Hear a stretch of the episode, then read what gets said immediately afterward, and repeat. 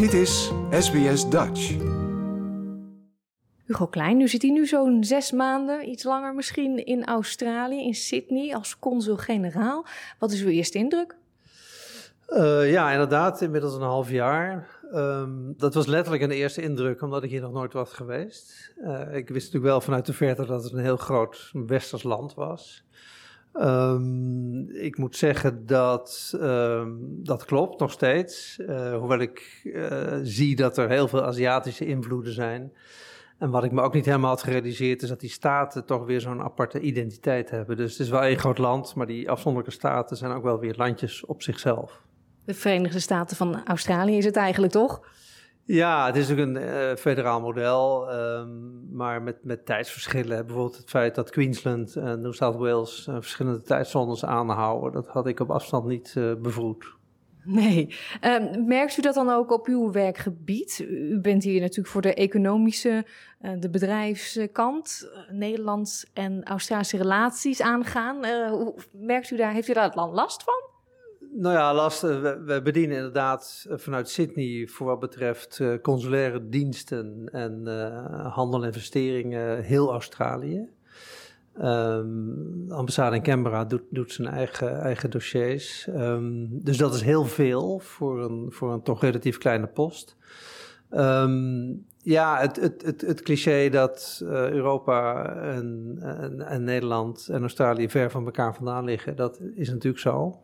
En dat, dat merk je ook wel, dat bijvoorbeeld als het gaat om de interesse van Nederlandse bedrijven in, uh, in deze markt, die is er zeker, maar de afstand is altijd wel een overweging. Hè? Bedrijven komen niet hier even langs om te kijken. Dus dat vergt nog wel eens wat, uh, ja, wat, wat nudging en wat facilitatie van onze kant. Waarom is het zo belangrijk dat Nederland die banden heeft met Australië? Um, nou goed, als Nederland hebben we natuurlijk historische banden met Australië. Vanaf uh, begin de 17e eeuw, zeg maar zeggen. Er is hier een grote Nederlandse gemeenschap. Uh, vooral de, golf van na de Tweede Wereldoorlog. Um, dus dat is een beetje je, je, historische legacy, zeg ik maar zeggen. Um, anderzijds denk ik dat die economieën ook wel over en weer veel te bieden hebben aan elkaar. Um, even heel grof gezegd, uh, Nederland is natuurlijk geïnteresseerd in hernieuwbare energie, net als de rest van Europa. Nou, Europa produceert niet zo heel veel zelf, dus dat zal ergens vandaan moeten komen. Dan gooit Australië hoge ogen.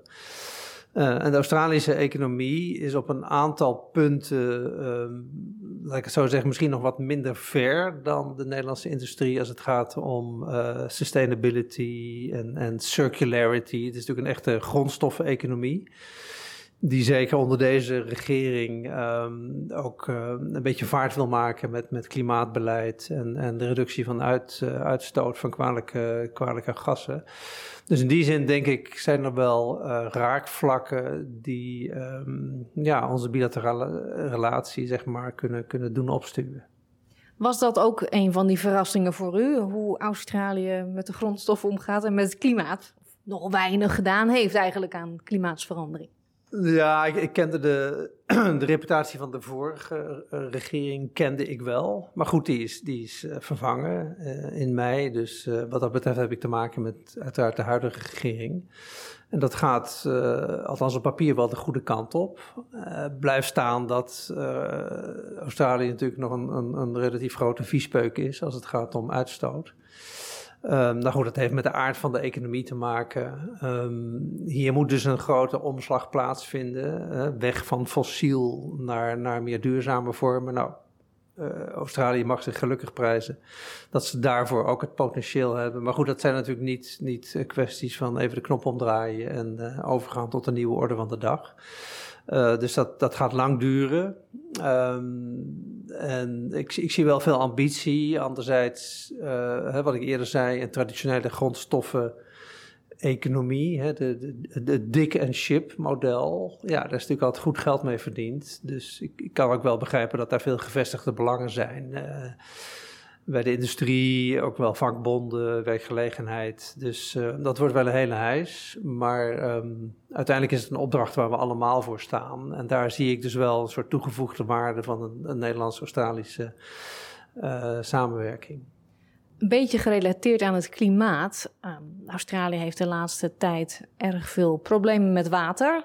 Dan denk ik aan Nederland. Wij zijn op het gebied van watermanagement hartstikke goed bezig. Is dat ook iets waar u dan zegt: jongens, in Australië, wij in Nederland kunnen dat heel goed?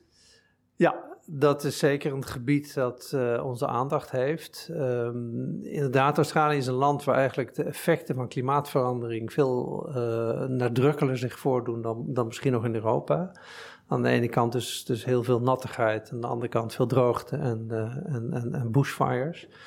Nou, met dat laatste hebben wij wat, wat minder ervaring in Nederland. Maar zeker op het gebied van watermanagement is er, is er veel te halen.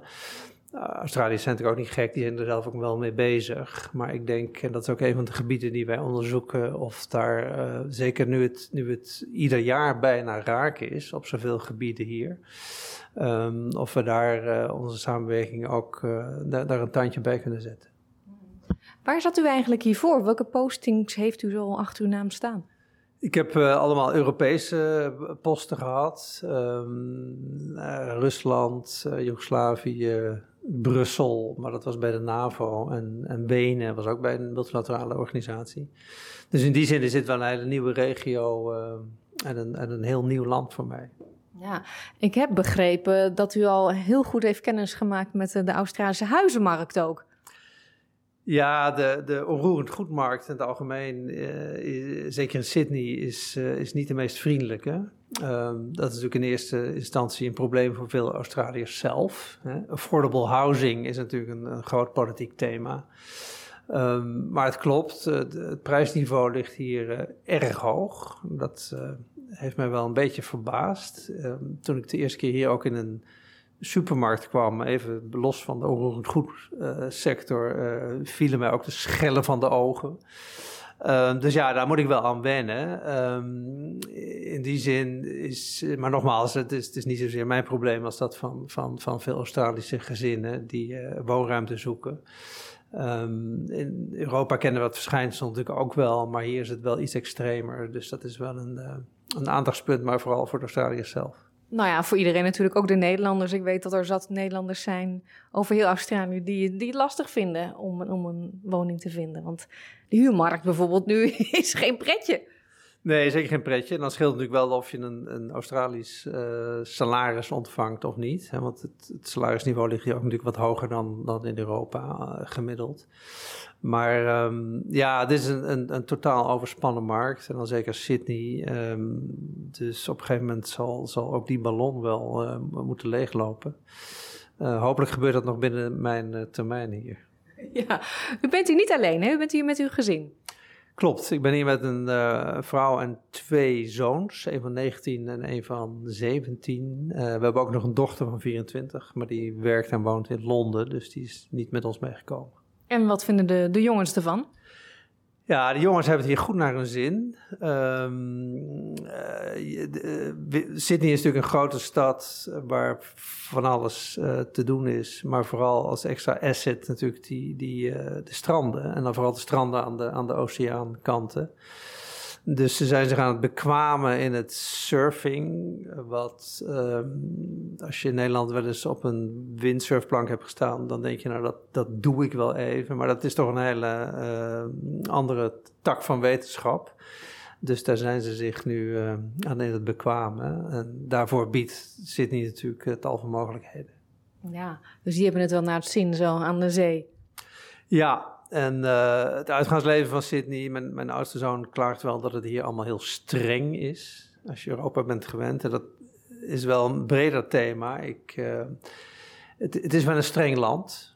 Uh, ook wel een land waar je steeds wordt gezegd wat je wel en niet moet doen. Conservatief ook nog.